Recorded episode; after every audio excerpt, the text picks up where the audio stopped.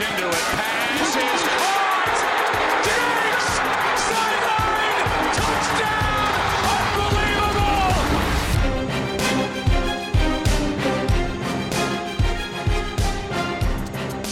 Welkom bij de Sport Amerika NFL podcast. En vandaag beginnen we officieel met aftellen naar de Super Bowl. Dit is de eerste content die we gaan doen in een lange reeks van, van, van podcasts, van artikelen. De artikelen zijn stiekem al begonnen trouwens. Eh, allemaal toewerkend naar die ene grote wedstrijd volgende week zondag. De Chiefs tegen de Buccaneers. En dat is precies het onderwerp waar we het vandaag over gaan hebben. Over die twee teams. We gaan kijken eh, hoe ze dit jaar hebben gedaan en waar ze vandaan kwamen. En eh, dat doe ik uiteraard niet alleen, want aan de ene kant heb ik Chris van Dijk. Goedenavond. Ja, Chris, jij neemt de, de Kansas City Chiefs een beetje voor je rekeningen. Ja, klopt. Ik heb daar een klein beetje in verdiept uh, de afgelopen dagen. Ja, ik heb gehoord dat ze goed zijn in voetbal, dus dat uh, moet leuk zijn geweest. Uh, aan de andere kant is dit een naam, zit een man die ik erg goed ken. Maar luisteraars van de NFL-podcast misschien niet zo heel goed als je alleen de NFL-podcast luistert. Maar Justin Kevenaar, leg jij die mensen eens even uit hoe jij een van de coryfeeën van Sport Amerika bent? nou, Corriveeën zelfs, dat is wel heel erg uh, mooi. Dankjewel, Juriaan. Ja, uh, ik ben dat in de ver, uh, nou ja, ver verleden, vijf, zes jaar geleden begonnen bij, bij Sport Amerika. Toen schreef ik bijna dagelijks wel NFL-artikelen. ik heb dus zelfs nog Touchdown Live natuurlijk, hè, met Sam. zijn grote vriend Saman ja. opgezet destijds. ja, ditje met de podcast, helaas niet vaak van de partij, omdat ik vaak zondagavond moest werken. En dan moest ik maandag een beetje catch-up spelen met de games. Nee, niet genoeg tijd om elke keer alles op tijd te zien. Dus, maar goed, in dit geval wel lekker tijd uh, gevonden. En ja, ik duik dus in de Tampa Bay uh, Buccaneers, die uh, in tegenstelling tot de Chiefs tot eigenlijk dit jaar niet vaak heel erg mooi voetbal speelden. Of goed voetbal, maar ja, dit jaar wel natuurlijk. Ja, en dan mochten mensen heel graag een gezicht, of beter gezegd een pak bij deze stem willen voorstellen. Als je ooit bij de Sport America parties bent geweest in uh, Kokoszuid in Amsterdam. Die ene jongen in dat zeer opvallende pak met de Amerikaanse vlag erop, dan heb je een...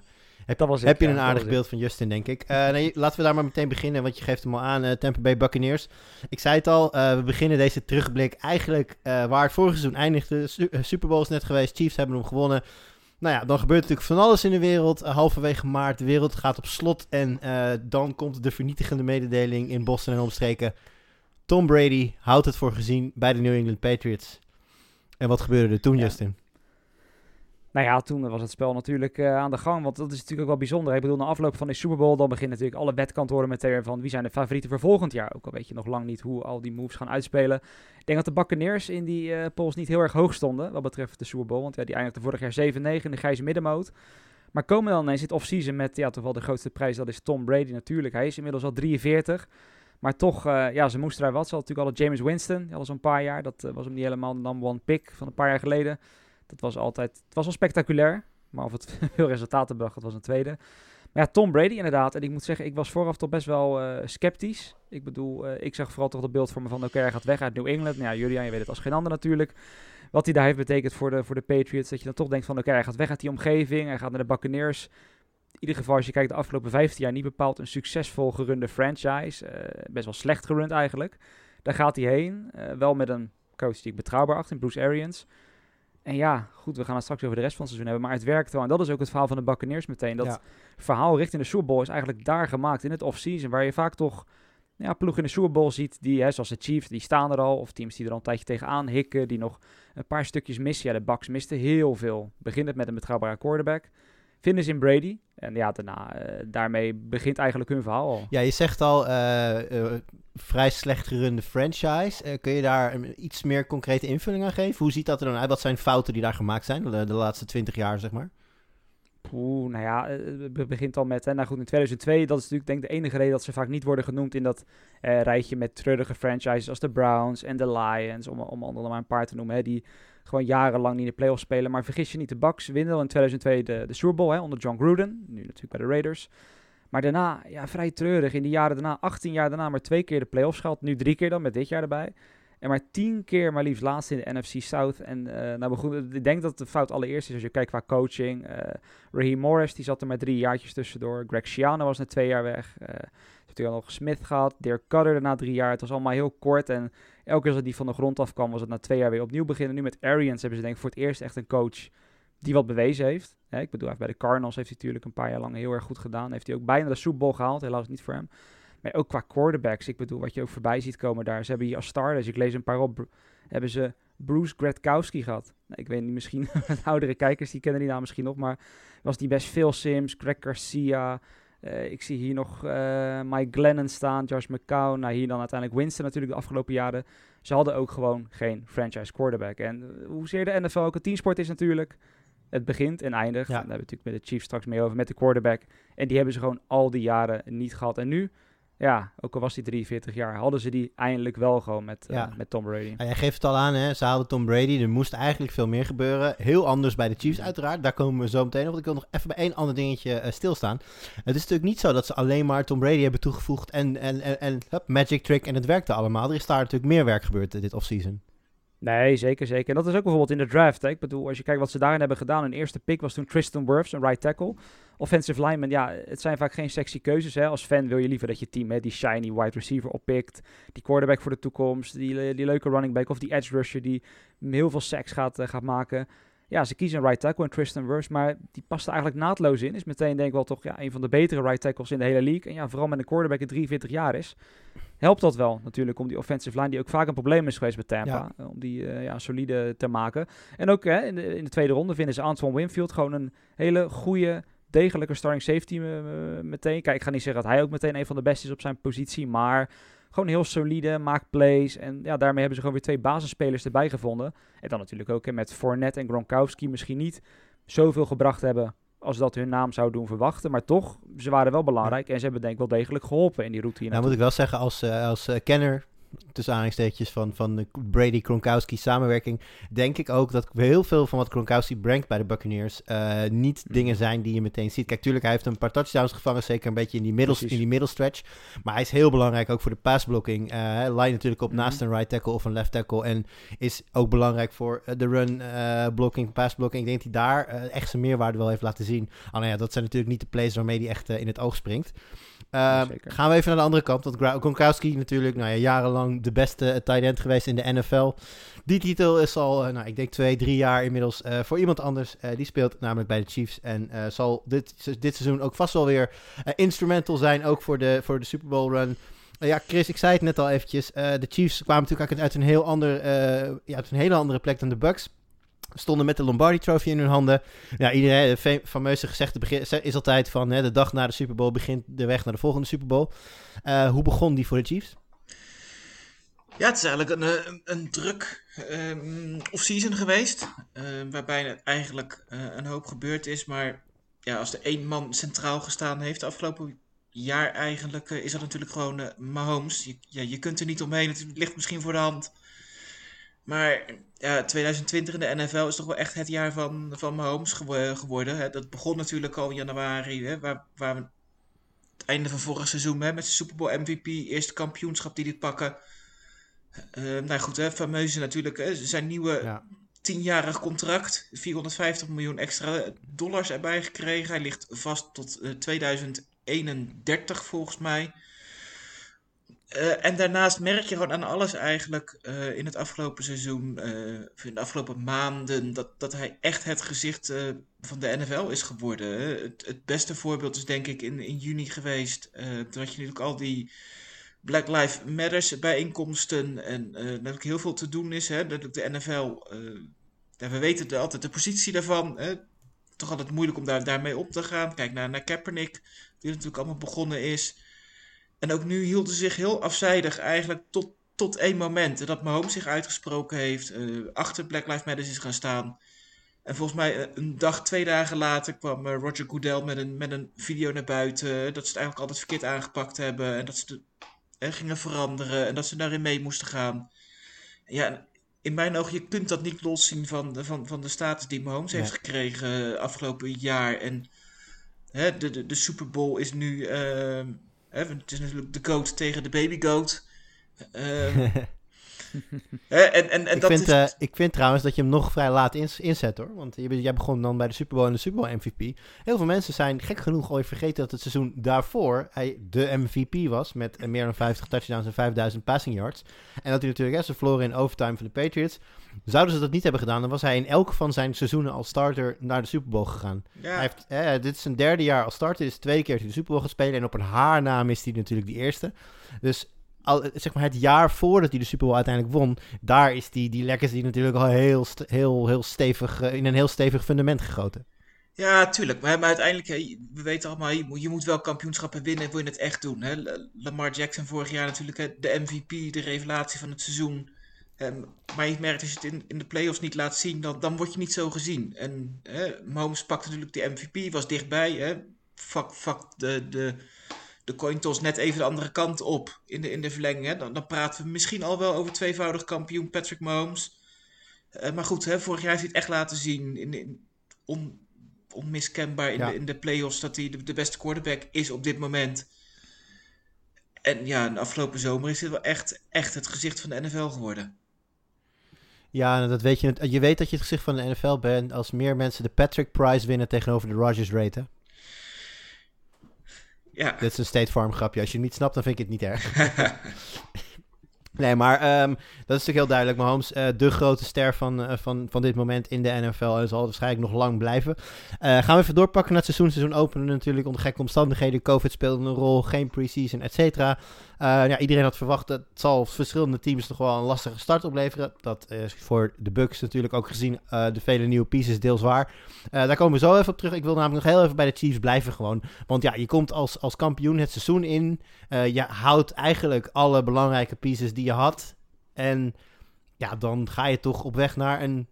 Ik wil niet hardop zeggen 16, 16 en 0, maar dan ga je op weg naar een seizoen dat, dat, dat de boeken in mag gaan. Eh, is het, he- hebben ze naar die maatstaven gepresteerd, vind jij Chris? Of had het meer kunnen moeten zijn? nou, het had eh, aan de ene kant had dat meer kunnen zijn, hè, maar dat is eigenlijk echt puur naar de resultaten kijkt. Hè, er zaten een paar knappe overwinningen in, zeker in het begin van het seizoen. Hè. Eigenlijk de Ravens, hè, we omcirkeld die wedstrijd week 3 uit Baltimore. Nou ja, hè, verwacht misschien wel de, de AFC Championship game van dit jaar. Hè, dat ze eigenlijk redelijk eenvoudig winnen. Maar dan eigenlijk in week 5 gaat het fout. Hè. Ze verliezen thuis van de, van de Raiders. Dus ja, sinds, vanaf dat moment kun je eigenlijk al niet meer spreken over, over 16 en 0. Eh, dus, dus wat dat betreft is het natuurlijk nooit echt in sprake geweest. Maar goed, als je ziet welke tegenstanders ze allemaal verslagen hebben dit seizoen. Ze hebben zeker geen gemakkelijk programma gehad. Ja, dan is het natuurlijk wel opvallend dat je eigenlijk in je eerste 15 serieuze wedstrijden alleen van de Raiders verliest. Eh, en eigenlijk, eigenlijk tegen alle andere ploegen het of goed doet eh, en, ruim wint. Hè? Bijvoorbeeld, de, nou, zoals net eh, de, de Ravens hadden en de Bills bijvoorbeeld. Uitwedstrijd ook meer dan een touchdown verschil winnen. Dus ja, er zat veel in. Ehm, maar goed, als je dan uiteindelijk naar, naar het geheel gaat kijken. ehm, tweede helft van het seizoen veel, veel nipte overwinningen. Dan, ja, dan is het niet. Het is geen 16-0 geen 16-0 ploeg, zeg maar, van niveau Patriots eh, 2007. Natuurlijk de, de beste regular season team wat we ooit gehad hebben. Eh, om even bijvoorbeeld de, vergelijking te, te geven hoe dominant die Patriots waren. En het verschil met de Chiefs. eh, over het hele seizoen. De Patriots hadden een, een positief doelsaldo van 315, of bijna 20 eh, punten per wedstrijd. Nou ja, dat is uiteraard eh, nog steeds het beste saldo in de, de hele geschiedenis van de NFL. En de, de Chiefs kwamen dit jaar tot 111 eh, in de plus. En dat is het zesde aantal van dit seizoen. Hè, dus er zijn vijf ploegen die, die dominanter waren in hun wedstrijden dan, dan de Chiefs, ondanks dat ze het beste record hadden.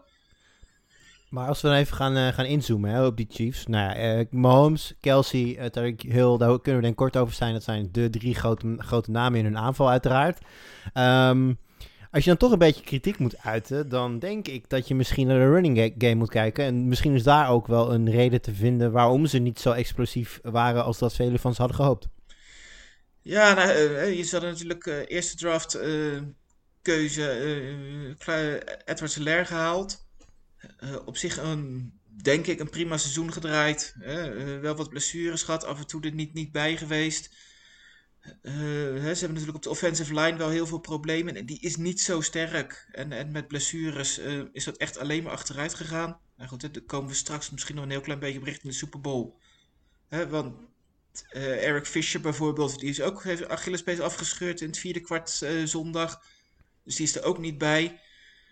Dus ja, ze hebben daar zeker wel, wel wat zwakke plekken. En dat ze het aanvallend dan toch nog zo goed doen, ja, dat geeft toch ook weer aan eh, hoe, Ja. hoe ver Mahomes boven de rest staat, Ja. eh, wat dat betreft. Eh, Justin, jij hebt natuurlijk, wat ik zei, voornamelijk voor deze opname even naar de Bucks gekeken. Maar je hebt natuurlijk de Chiefs ook Mhm. zien spelen. Wat is jouw visie op, op hoe Clyde Edwards-Helaire zich heeft ontwikkeld en hoe die werd gebruikt dit seizoen? Nou ja, het begon natuurlijk wel vrij spectaculair, meen ik me te herinneren. Bij het begin van het jaar, toen, eh, toen, liep het allemaal wel lekker. Maar inderdaad, ja, gaandeweg het seizoen eh, werd het eigenlijk steeds iets minder, steeds iets kleiner. Ja, hoe, hoe dat precies is, of dat bewust is, of dat het meer is van dat Andy Reid naar andere dingen zocht, dat vind ik moeilijk om te zeggen. Eh, maar ja, dat, dat hij steeds minder voorkwam in het verhaal. terwijl je dan juist verwachten van een rookie dat hij steeds juist een grotere rol krijgt.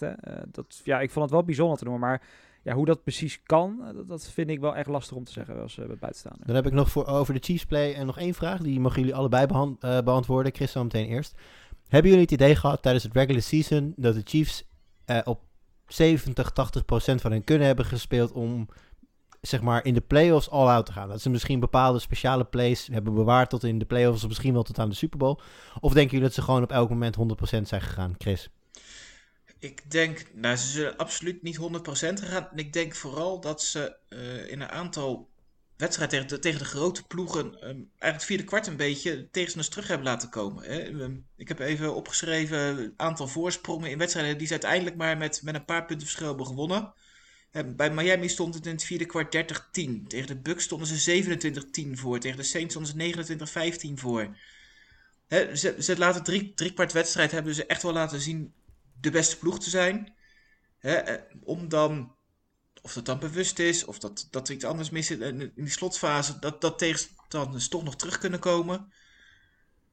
Maar ja, ik denk dat ze in de grote wedstrijden ja, driekwart voluit gegaan zijn en daarna zoiets hadden van, joh, hè, dit, dit is goed genoeg. En uh, volgende week weer een wedstrijd en het gaat, er gaat alleen om de playoffs.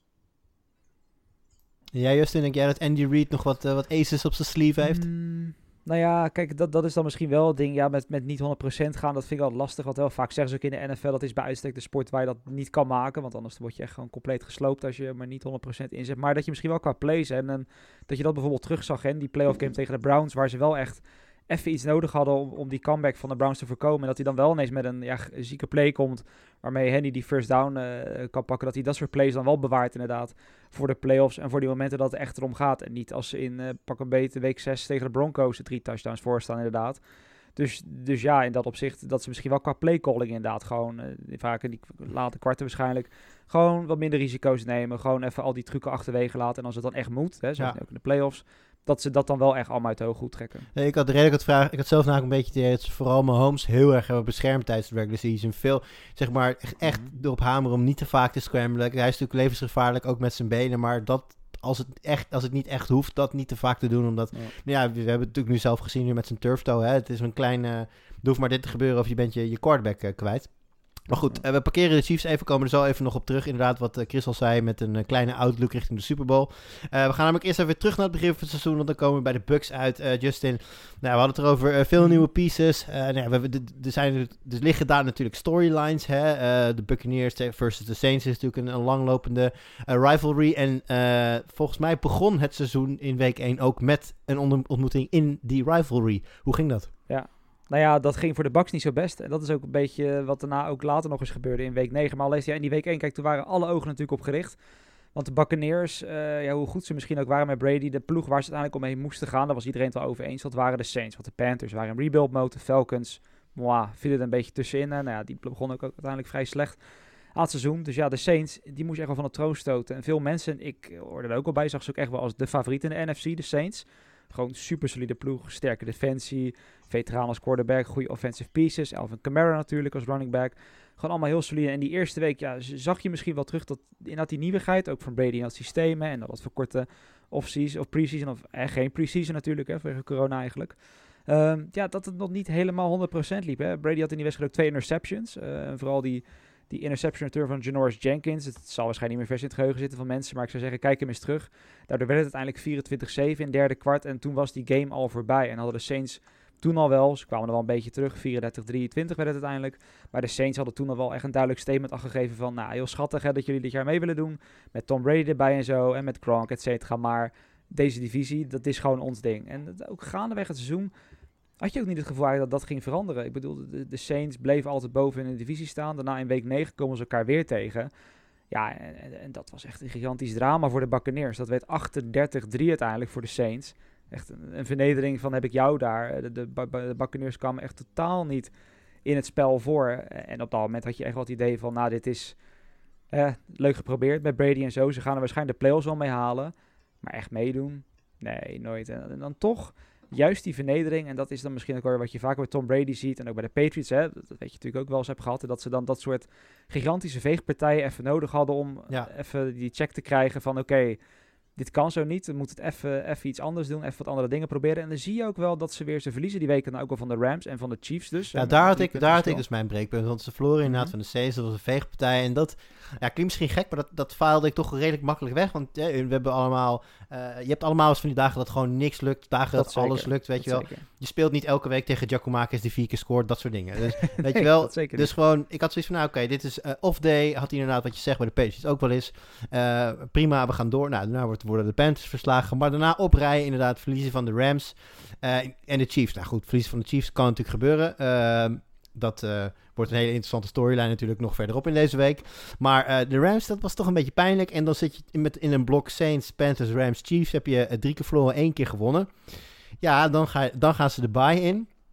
Nou ja, en vanaf daar is het pam, pam, pam, pam, pam. Of niet, Justin? Nou ja, dan is het gewoon heel zakelijk. En tuurlijk moet gezegd worden, ze verslaan de Vikings, de Falcons, de Lions en nog een keer de Falcons. Alle drie geen playoff teams, maar toch, hè, de NFL zeggen ze het altijd mooi. Zijn er geen gimmies, elke wedstrijd is uiteindelijk eh, moeilijk op zich. En vooral tegen de Falcons, Atlanta die, en Buc- Buccaneers, die, die kunnen elkaar ook niet uitstaan. En ook divisie-rivalen. Dus dat ging ook wel echt nog wel vrij lastig. Maar uiteindelijk winnen ze die potjes Ja. wel allemaal met die playoffs in te gaan. Maar goed, dan nog wel met... Toch, ja, ik weet niet. Jij zegt dat je die wedstrijd vrijwel afdeed afdeed als een off-day. Maar ja, het is natuurlijk wel extra pijnlijk als het gebeurt tegen... Hè, als Ja. het tegen de Nee, het, absoluut. Rams als gebeurd was ook pijnlijk, maar nu gebeurt het tegen je divisierivaal, tegen de ploeg waarvan je weet van, daar moeten we uiteindelijk doorheen. Ook waarschijnlijk als we de playoffs in gaan, zullen we daar doorheen moeten gaan. Nee, dat hebben ze ook gedaan natuurlijk later. Ehm, ja, om daar dan zo keihard eraf te gaan, eh, Ja. dat, dat was een gigantisch pijnlijk. En ik zag daardoor ook, zelfs die toen ze de playoffs ingingen, perspectief eigenlijk dat ze in de playoffs wel af zouden kunnen rekenen met de Saints. Nou, de eerste keer dat ik zelf eh, perspectief... eh, want hè, ik als, als Patriots-fan heb natuurlijk eh, Brady en Gronk met bovengemiddelde interesse gevolgd. Eigenlijk de tweede helft in de uitwedstrijd tegen de Atlanta Falcons stonden ze, nou ik weet niet, eh 28-3-ish achter. Niet letterlijk dat, maar een, van gelijke orde. En in die tweede helft maken ze een comeback... eh, ja, zoals Brady ook eerder gedaan heeft tegen de Falcons. En eigenlijk vanaf dat moment... ik- Ja, natuurlijk precies. de- 24-7 inderdaad, zie ik nu net. 24-7. ja, dus, het, dus- beter overbrugbaar. Maar goed, in ieder geval vanaf dat moment gaan... ge- ze, geven, ze geven gas, ze winnen die wedstrijd. Daarna vegen ze de, Li- de Lions compleet eh, hun eigen stadion uit in Detroit. Eh, zeven- 47-7. Ja, en je zei terecht. Het zijn de Vikings, de Falcons, de Lions en nog een keer de Falcons. Maar ze vinden in die ploegen wel hun groove. Eh, en dan krijgen ze daarna, want, hè, laten we dan maar gewoon meteen die stap naar de playoffs maken. De Redskins, Mhm. had ik, die kun je eigenlijk bij dat lijstje trekken. Dat is ook niet een, eh, een, een, een tegenstander dat je denkt van... Nou, moet je heel erg bang voor zijn. Goede defense, dat met name. Maar ja, op, op, op de offense was het toevallig een hele goede dag van Heineken. En, Ja. en, en anders was het ook niet heel veel. Maar ja, dan komt inderdaad die, die cruciale derde wedstrijd van de tegen de Saints. En dan is het payback time. Ja, dan is het ineens wel raak inderdaad. En daarin is het dan juist. Waar bijvoorbeeld in die week 1 eh Breeze totaal geen fouten maakte. En Brady juist de foutjes maakte. Wat je dan dus kan wijten aan hè? een nieuw team, toch nieuwe receivers. Hè? Heel talentvolle offense, maar toch, eh, je moet je weg vinden. Dat het daarin dan juist het andere verhaal is. Hè? Toch vooral de, de, pijnlijke aftocht. En daar is natuurlijk ook in de podcast een achteraf over gaan. De pijnlijke aftocht toch van Drew Brees. Hè? Die uiteindelijk een jaartje jonger is. Maar ja, op het veld wel tien jaar ouder leek dan, eh, dan, Tom Brady. En dat was echt wel een wedstrijd natuurlijk. De defense van de Bucks gaf ook echt heel erg thuis natuurlijk. Hè. Dat moet je zeker niet vergeten. Spelen ook al heel het jaar solide. We noemen ze eigenlijk niet tot nu toe. Maar ook dat heeft zeker wel een rol gespeeld Zeker. in hun eh, seizoen. Maar ja, uiteindelijk is het dan wel die quarterback-strijd waar, eh, waar je dan in die wedstrijd naar kijkt. En daarin was Brady dan weer gewoon, ja, zijn ouderwetse zelf. Gewoon Tommy Terrific in de playoff staat hij er. En waar Drew Brees dus uiteindelijk, eh, ja, verzaakte. En dan, dan kom je dus ook, dat is van de week ook genoemd, op die bizarre stat dat ja, Brady nu net zoveel NFC Championships heeft gewonnen meteen als Drew Brees daarmee. Eh, dat is dan ook nog wel een bijzonder, eh, bijzonder feit inderdaad. Maar nee, dat kwam in die wedstrijd vooral naar voren dat ze toch... En nogmaals, ik had het van tevoren echt niet verwacht. Ik had het echt aan de Saints all the way gegeven in de NFC toen die playoffs begonnen.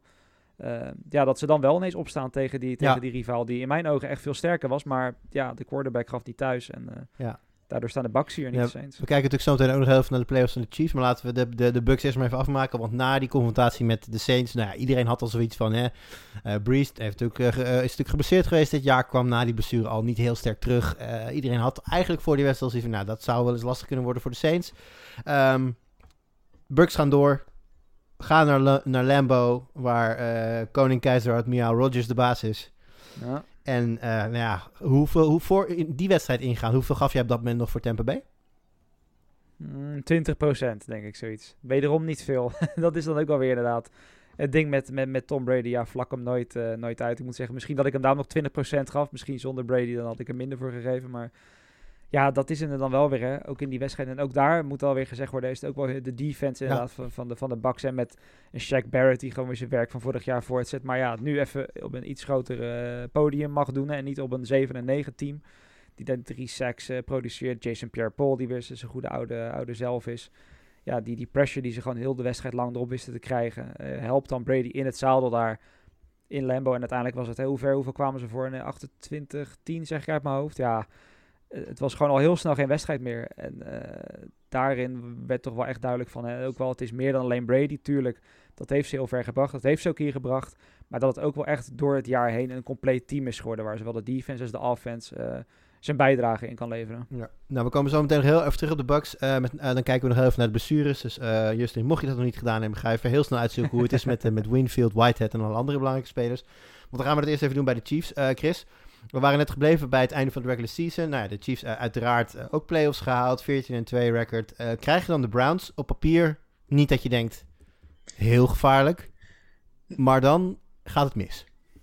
Ja, want in het begin denk je van inderdaad, hè, de Browns, het komt goed uit. Die, die winnen eigenlijk van de Steelers. Anders hadden ze de, de Ravens eh, tegengekomen. Dus wat dat betreft viel het natuurlijk, leek het een beetje goed uit te pakken voor de Chiefs, die wildcard ronde. Eh, en eigenlijk eerste helft was er ook weinig aan de hand. Misschien natuurlijk wel wat geluk met een eh, gemiste helmet-helmet call. Maar ja, bij rust staan ze 19-3 voor eh, thuis tegen de Browns. En dan denk je van, nou, dit is binnen. En dan raakt ineens eh, Mahomes geblesseerd. We wisten al, hij liep al wat, wat moeilijk, had al last van zijn, van zijn voet. Dat was te zien, maar alleen aan zijn manier van lopen. Niet zozeer nog eh, aan het spel zelf. Eh, en dan bij een, een, scramble wordt, wordt hij geraakt door de verdediger van de, van de Browns. En moet hij met een hersenschudding, of een vermeende hersenschudding, eh, naar de kant. Ja, en dan moest hij ineens de tweede helft met, eh met Chad Henney doen. En dan... eh, Ja, dat eindigt, eh, dat eindigt natuurlijk in die schitterende eh, conversion op fourth down, waarmee ze de, de wedstrijd uiteindelijk, we skippen een klein beetje naar voren, in, het, in het slot gooien en ze dus doorgaan. De week daarna tegen Bills is Mahomes er gewoon weer bij. Was natuurlijk even van, gaat hij het redden, gaat hij het niet redden, maar volgens mij op woensdag of donderdag werd al duidelijk dat hij, dat hij er gewoon bij zou zijn. Was er in die wedstrijd nog iets te merken van enig ongemak bij Patrick Mahomes?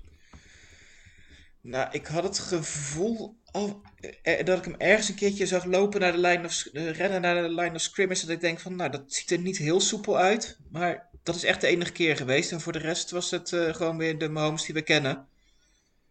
Dus ja, En die volgens mij ook een van de eerste liep hij, eh, nee wacht even, dat was tegen de, tegen de Browns liep hij sowieso een touchdown naar binnen. Deed hij dat tegen de Bills ook? Staat me even niet meer bij. eh, Nee, er waren, er waren allemaal passes, geloof ik.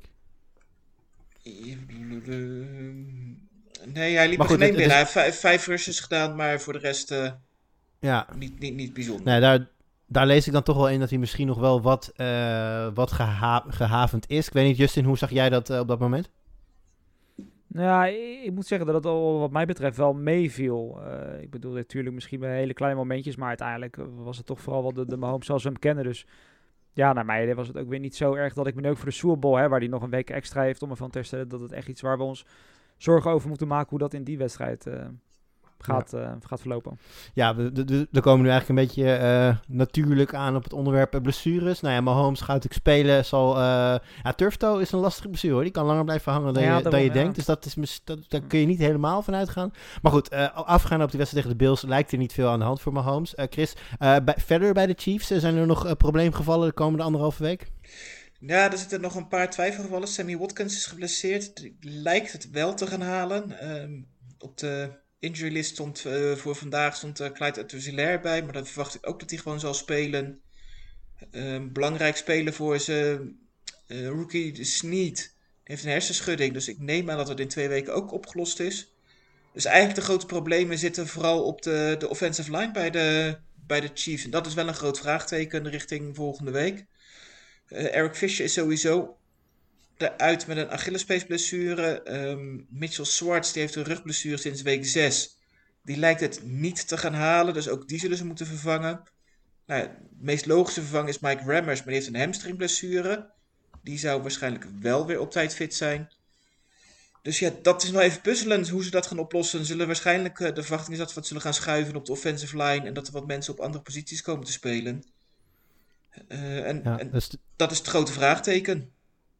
Ja, dat is niet wat je wil horen tegen een team die toch wel redelijk bekend staat om zijn, uh, nou ja, niet best in de league, maar wel top 3, top 5 defensive line. Dus dat wordt uh, interessant. Gaan we het later deze week natuurlijk uitgebreid over hebben nog in de voorbeschouwing die nog gaan komen. Uh, eerst gaan we nog even terug naar Tampa Bay natuurlijk voor de blessures. En uh, ik zei het mhm. net al even Justin, beide safeties waren op een goed moment afgelopen weekend out. Ja. Winfield speelde niet, Whitehead verliet uit mijn hoofd in het derde kwart geloof ik de wedstrijd. Ja. Hoe ziet het er daar nu uit? Nou ja, ze staan wel allemaal op het injury report. Uh, bijvoorbeeld ook Antonio Brown hebben we trouwens ook niet benoemd. Hè. Die was er vorige week ook niet bij. Uh, hij is natuurlijk niet echt de receiver momenteel. In Tampa Bay wordt wel steeds belangrijker natuurlijk. Uh, de afgelopen tijd was er van de week ook niet bij. Maar men verwacht dat hij ook wel de Super gaat halen. Ondanks zijn, zijn knieklachten. En ja, en ook met White Atlas had ik dan toevallig in had even op te zoeken. Schouder, schouder- en knieproblemen. Maar ja, zelf heeft hij al vrij, en dat stond ik op zich ook wel, hey, je maakt je klaar voor de Bowl. Dat hij er alles aan gaat doen, hoe dan ook, dat hij in die wedstrijd gaat spelen. de verwacht, kijkers natuurlijk, hè, of de medische staf er ook zo over denkt, of dat verantwoord is. Maar dat lijkt dan wel het grootste vraagteken. Want ook met Winfield speelde weliswaar niet mee met de enkel blessure, ook van de week de rookie. Dus men vermoedt wel dat hij fit genoeg gaat zijn. Maar ja, dat kunnen op dit moment ook allemaal smokescreens zijn natuurlijk. Hè, van dat de tegenstander zich toch daarop moet, uh, ja. moet voorbereiden. En ja, verder wel wat receivers. Hè, Evans en Godwin. Uh, en dus de eerder genoemde Brown. Ja, ook Godwin en Evans, die, die lopen al een tijdje een beetje met blessures. Maar dat, ja, van de week speelden ze ook gewoon mee. Dus dat lijkt niet iets serieus te gaan worden richting uh, de Super Bowl. Dus ja, in het ergste geval misschien een van die safeties niet, uh, niet erbij. Maar uh, ja, de verwachting is dat zij er wel allebei uh, bij zullen zijn. Ja, die, die receivers, dat klinkt een beetje als... volgens mij was het Edelman die ooit zei van na week 16 of week veel is er geen enkele NFL-speler zonder blessure meer. Iedereen is nee, zeker. Dus daar hoort het natuurlijk ook een beetje bij. Iedereen heeft pijntjes. Maar ik denk, ik denk als de, de bright lights in de Super Bowl aangaan... dat je die pijntjes niet, uh, niet echt meer voelt. Uh, laatste dingetje waar ik even nog bij stil wil staan bij de Buccaneers. Uh, die twee weken die ze nu hebben, hè, die, die extra tijd eigenlijk. Hoe belangrijk gaat die zijn voor een speler als Vita Vea... die afgelopen weekend nou ja, op het veld stond... maar duidelijk nog niet helemaal zichzelf was. Verwacht jij dat dat echt een, een slok op een bol gaat schelen? Nou ja, dat wel. Die hebben ze natuurlijk eventjes moeten missen. Dat is natuurlijk wel, uh, nou ja, het, het, is letterlijk een, een big dude, hè. Ik bedoel, de, de, de grote Havaiaan is natuurlijk super belangrijk, hè. Dat is dan wel een van die jongere draft picks die de afgelopen jaren wel is gelukt voor het management. Dat zoveel goede, gelukkige first round picks hebben ze niet altijd gehad. Maar uh, ja, Vida Vea, die er sinds 2018 bij zit, wel echt super belangrijk, hè. Vooral ook in de pass rush, maar ook tegen de run met zijn gigantische, ja, gigantische hoop mens dat daar staat in het midden van die defensive line ja, nee, dat gaat zonder meer, uh, denk ik, gaat gaan voor hem die twee weken natuurlijk het allerfijnst zijn. Dat hij echt weer helemaal in shape kan komen. Hey, ik denk dat ze daarvoor wel geactiveerd hadden. Dat hij in ieder geval wel eh, wat wedstrijdritme heeft. In ieder geval, hè, ook al is het niet maar even een wedstrijdje. Maar dat hij in ieder geval weer even heeft gespeeld. En dat hij dan straks voor de Super Bowl daar uh, zal staan. En hopelijk voor de Bucks samen met Barrett en Pierre Paul onder andere het Mahomes zo moeilijk mogelijk gaat maken. Ja, nou, daar komen we later deze week nog uitgebreid op terug natuurlijk. Ik vind het nu al interessant, want dat betekent dus dat de Buccaneers uh, een van hun sterkste defensive line pieces terugkrijgen, terwijl Kansas juist op een offensive line aan het, uh, aan het inleveren is. Dus dat zou nog wel eens heel interessant kunnen gaan worden. Hoe interessant het allemaal gaat worden, dat ga je uh, de komende week, zoals ik al zei, nog van ons horen. Uh, we komen nog een aantal keer bij terug. Begin komende week uh, al een podcast waarbij wordt teruggekeken naar de beste Super Bowls die we hebben gehad. Er komen ook allerlei artikelen op de site die daar ook nog eens gaan kijken, die voor gaan beschouwen. Ook weer vanuit beide teams. En aan het einde van volgende week komen we natuurlijk met de grote Super Bowl preview show. voor nu, hartelijk bedankt voor het luisteren. Jongens, bedankt. Ja, graag gedaan. En uh, wij spreken elkaar nog ettelijke malen komende week. Tot dan. Zeker.